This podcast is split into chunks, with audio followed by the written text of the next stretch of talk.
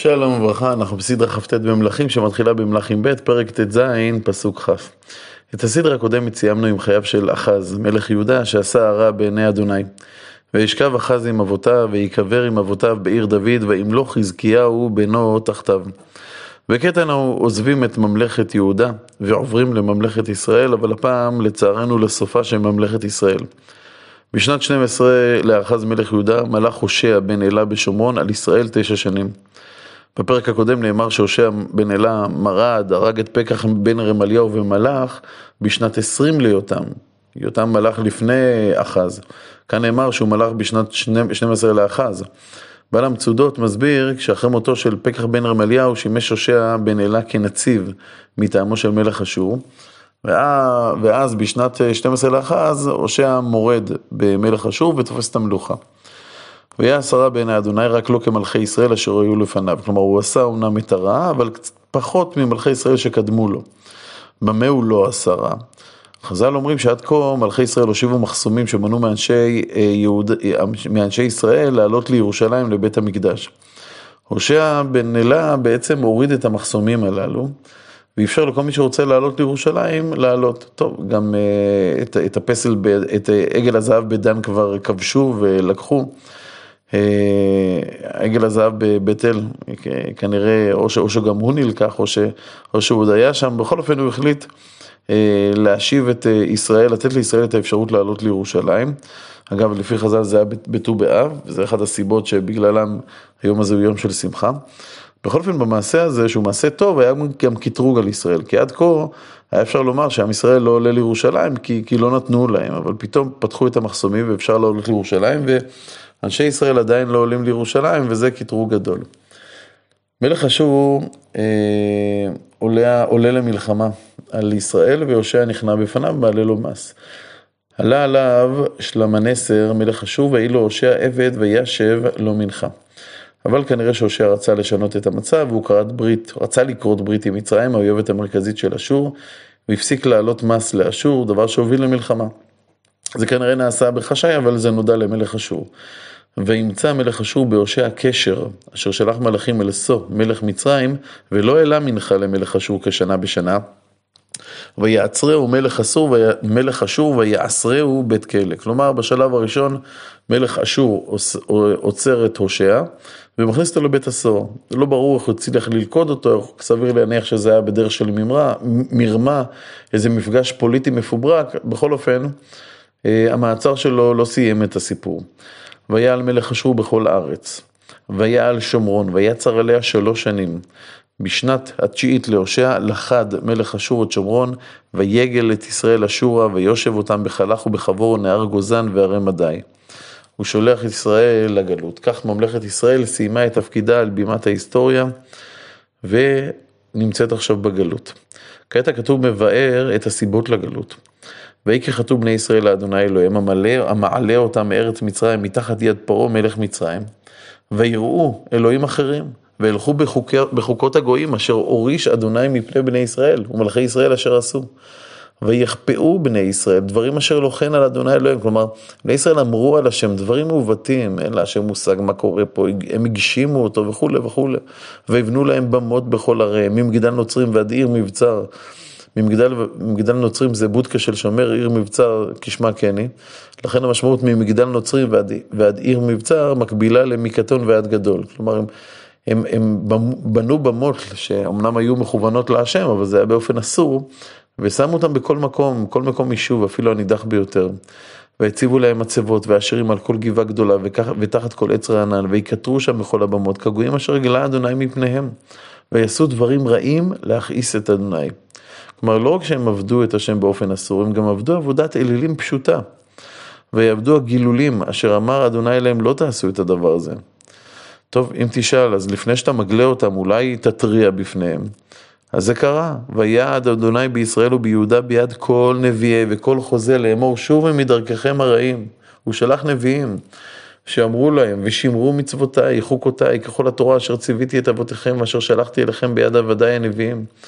שלחתי נביאים, אבל דבריהם נפלו על אוזניים ערלות, העם המשיך בדרכו הרע, ולא שמעו. והקשו את עורפם כעורף, כעורף אבותם, אשר לא האמינו באדוני אלוהיהם, וימסו את חוקיו ואת בריתו אשר כרת את אבותם, ואת עדותיו אשר העיד בהם, וילכו אחרי ההבל ויהבלו, ואחרי הגויים אשר סביבותם, אשר ציווה אדוני אותם לבלתי עשות כהם. כלומר, השם ציווה אותם לקיים את חוקי התורה והם דחו אותו, השם ציווה עליהם, אסר עליהם לעבוד עבודה זרה, אסר עליהם להידבק בתרבות הגויית של יושבי הארץ, אבל כמובן הם לא עמדו בכל הדברים האלה, ויעזבו את כל מצוות אדוני אלוהים, ויעשו להם מסכה, שני עגלים. זה העגלים בדן ובבית אל, ויעשו אשרה, ויזבחו לכל צבא השמיים, ויעבדו את הבעל, ויעבירו את בניהם ואת בנותיהם באש, ויקסמו קסמים, וינחשו, ויתמכרו לעשות הרע בעיני אדוני להכיסו. והעונש הכרחי, ויתנף אדוני מאוד בישראל, ויסירם מעל פניו, לא נשאר רק שבט יהודה לבדו. אבל גם ממלכת ישראל בסכנה, כי גם הם לא כל כך דבקים בהשם. גם יהודה לא שמר את מצוות אדוני אלוהים, והלכו בחוקות ישראל אשר עשו. השם העניש את ישראל מתוך תקווה שאולי יהודה ייקחו לקח. וימאס אדוני בכל זרעי ישראל. פגיעה ב- בישראל הייתה הדרגתית בתחילה, ויענם כשזה לא עבד, ויתנם ביד שוסים, ובסוף, עד אשר השליכה מפניו. השם ניסה לתקן את חטאי ישראל, כשחטאו ישראל הוא קרא את הממלכה ונתן את ישראל ביד ירבעם. כדי שירובעם יקים ממלכה מתוקנת, אבל זה לא קרה. כי קרא ישראל מעל בית דוד וימליכו את ירובעם בנבט. אבל ירובעם בעצמו חטא והחטיא את ישראל, וידח ירובעם את ישראל מאחרי אדוני והחטיאם חטאה גדולה. וילכו בני ישראל בכל חטאות ירובעם אשר עשה לו שרו ממנה, עד אשר הסיר אדוני את ישראל מעל פניו כאשר דיבר ביד כל עבדיו הנביאים, ויגל ישראל מעל אדמתו אשורה עד היום הזה. הבבלים רצו למנוע מרידות, על כן הם נקטו בשיטה של חילופי אוכלוסין בין עמים כבושים, מתוך הנחה שבניגוד אה, לעם שיושב על אדמתו תחת כיבוש ומנסה להחזיר לעצמו את מושכות השלטון, אה, עם שמוגלה לאדמת נכר מאבד את הרצון למרוד. על כן הבבלי, הבבלים מביאים לממלכת ישראל תושבים מארצות אחרות שאותם הם כבשו. והבא מלך אשור מבבל ומכותא ומעבר ומחמת וספרוויים. ויושב בערי שומרון תחת בני ישראל, וירשו את שומרון וישבו בעריהם. וכאן קרה דבר פלא. ויהי בתחילת שבטם שם, לא יראו את אדוני, ושלח בהם, אדוני בהם את האריות והרוגים בהם. כלומר, אותם גויים שהבבלים הביאו לכאן, עבדו בהתחלה עבודה זרה, לא עבדו את השם, והשם שלח בהם אריות שהרגו בהם, והם הבינו שהמציאות הלא נורמלית הזאת, שנראית, שנראה כאילו הם הרגיזו את אלוהי הארץ, אה, דורשת שינוי. ויאמרו למלך אשור, הם פונים למלך אשור לאמור, הגויים אשר הגלית ותושב בערי שומרון לא ידעו את משפט אלוהי הארץ, אנחנו לא יודעים מה אמורים לעשות פה. וישלח בהם אה, את האריות והנם ממיתים אותם כאשר אינם יודעים את משפט אלוהי הארץ. לא יודעים מה צריך לעשות לאלוהים שנמצא פה כדי שהאריות לא יהרגו אותם. ומלך אשור מצווה להביא מישהו מהגולים שיסביר להם את עבודת השם. ויצא מלך אשור לאמור, הוליכו משם אחד מהכהנים אשר הגליתם משם וילכו וישבו שם. ויורם את משפט אלוהי הארץ. וכך קורה. ויבוא אחד מהכהנים אשר הגלו משומרון וישב בבית אל, ויהי מורה אותם איך יראו את אדוני. הכהן שהיה קודם בממלכת ישראל, הורה אותם איך, איך עובדים את השם. כמובן, הוא הורה, אותם בצורה עקומה, כי עבודת השם בממלכת ישראל הייתה עקומה. בכל אופן, כעת הגויים אה, שהיו פה המשיכו לעבוד עבודה זרה, בצד זה הם עבדו גם את השם. האמת היא שככה גם עשו יהודים שחיו כאן קודם, גם הם פסחו על שני הסעיפים, גם הם עבדו את השם ועבודה זרה. והיו עושים גוי גוי אלוהיו, והניחו בבתי הבמות אשר עשו השומרונים גוי גוי בעריהם, אשר הם יושבים שם. שומרונים שכתובים בפסוק הזה הם היהודים שחיו קודם בשומרון, אבל אלה שהיום נקראים שומרונים, הם צאצאי אותם גויים שהובאו על ידי מלך בבל לישראל. כעת יש תיאור של העבודה זרה שעשו אותה במקביל לעבודת השם, על פי הפירוש של רש"י. אנשי בבל עשו את סוכות בנות, היה להם עבודה זרה בדמות של תרנגולת עם אפרוחיה. ואנשי קורט עשו את נרגל, עבודה זרה בדמות תרנגולת. ואנשי חמת עשו את השימה, בדמות תיש. ואבים עשו את נבחז ואת תרתק, בדמות כלב וחמור. אה, והספרבים שורפים את בניהם באש לאדרמלך ולאנמלך, אלוהי ספרבאים. כלומר, לאלילים שלהם שהייתה דמות אה, פרה ודמות סוס. והיו יראים את אדוני, ועשו להם מקצותם כהמני במות, והיו עושים להם בבית הבמות. כלומר, הגויים שהוגלו לכאן עבדו בשיתוף אין, אין את השם, שיראו אותם מאוד, ואין את האלילים שלהם. זה הייתה ממש אה, אה, המשך של אופן החיים שבה חיו היהודים שחיו כאן בממלכת ישראל. את אדוני היו יראים ואת אלוהיהם היו עובדים כמשפט הגויים אשר גילו משם, אותם משם.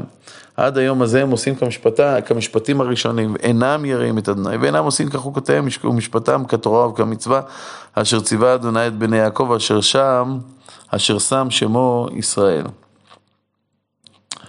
ואם נשאל, אם את ישראל השם עגלה בגלל שהם עבדו עבודה זרה בשיתוף, אז למה כאשר הגויים שמגיעים לכאן במקומם עושים את אותו דבר, הם עובדים גם עבודה זרה וגם את השם, הקדוש ברוך הוא לא מגלה וגם מפסיק את, ה, את המוות שנגרם להם על ידי האריות. הסיבה לכך היא פשוטה.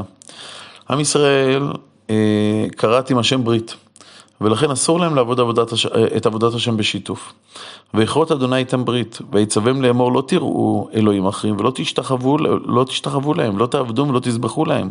כי אם את אדוני אשר העלה אתכם מארץ מצרים בכוח גדול בזרוע נטויה, אותו תיראו, ולא תשתחוו ולא תזבחו. ואת החוקים ואת המשפטים והתורה והמצווה אשר כתב לכם תשמרו לעשות כל הימים, ולא תראו אלוהים אחרים. והברית אשר קראתי איתכם ולא תשכחו, ולא תראו אלוהים אחרים, כי אם את אדוני אלוהיכם תראו, והוא יציל אתכם מיד כל אויביכם. ולא שמעו, כי אם כמשפטם הראשון הם עושים. כלומר, זה מה שקרה עם, עם עם ישראל. אבל עם הגויים האלה, השם לא כרת ברית. לכן הם לא נאסרו על השיתוף. ולכן, כיוון שהם עבדו גם את השם, למרות שהם עבדו גם אלילים, הוא השאיר אותם בארץ.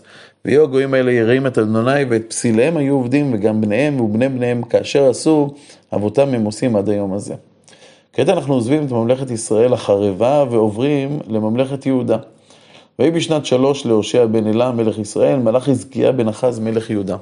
בן 25 שנה היה במולכו, ו-29 שנה מלך בירושלים, ושם אמו אבי בת זכריה. ויעש הישר בעיני אדוני ככל אשר עשה דוד אביו. ראשית, הוא עשה גם דברים שמלכים צדיקים לפניו לא עשו. הוא הסיר את הבמות.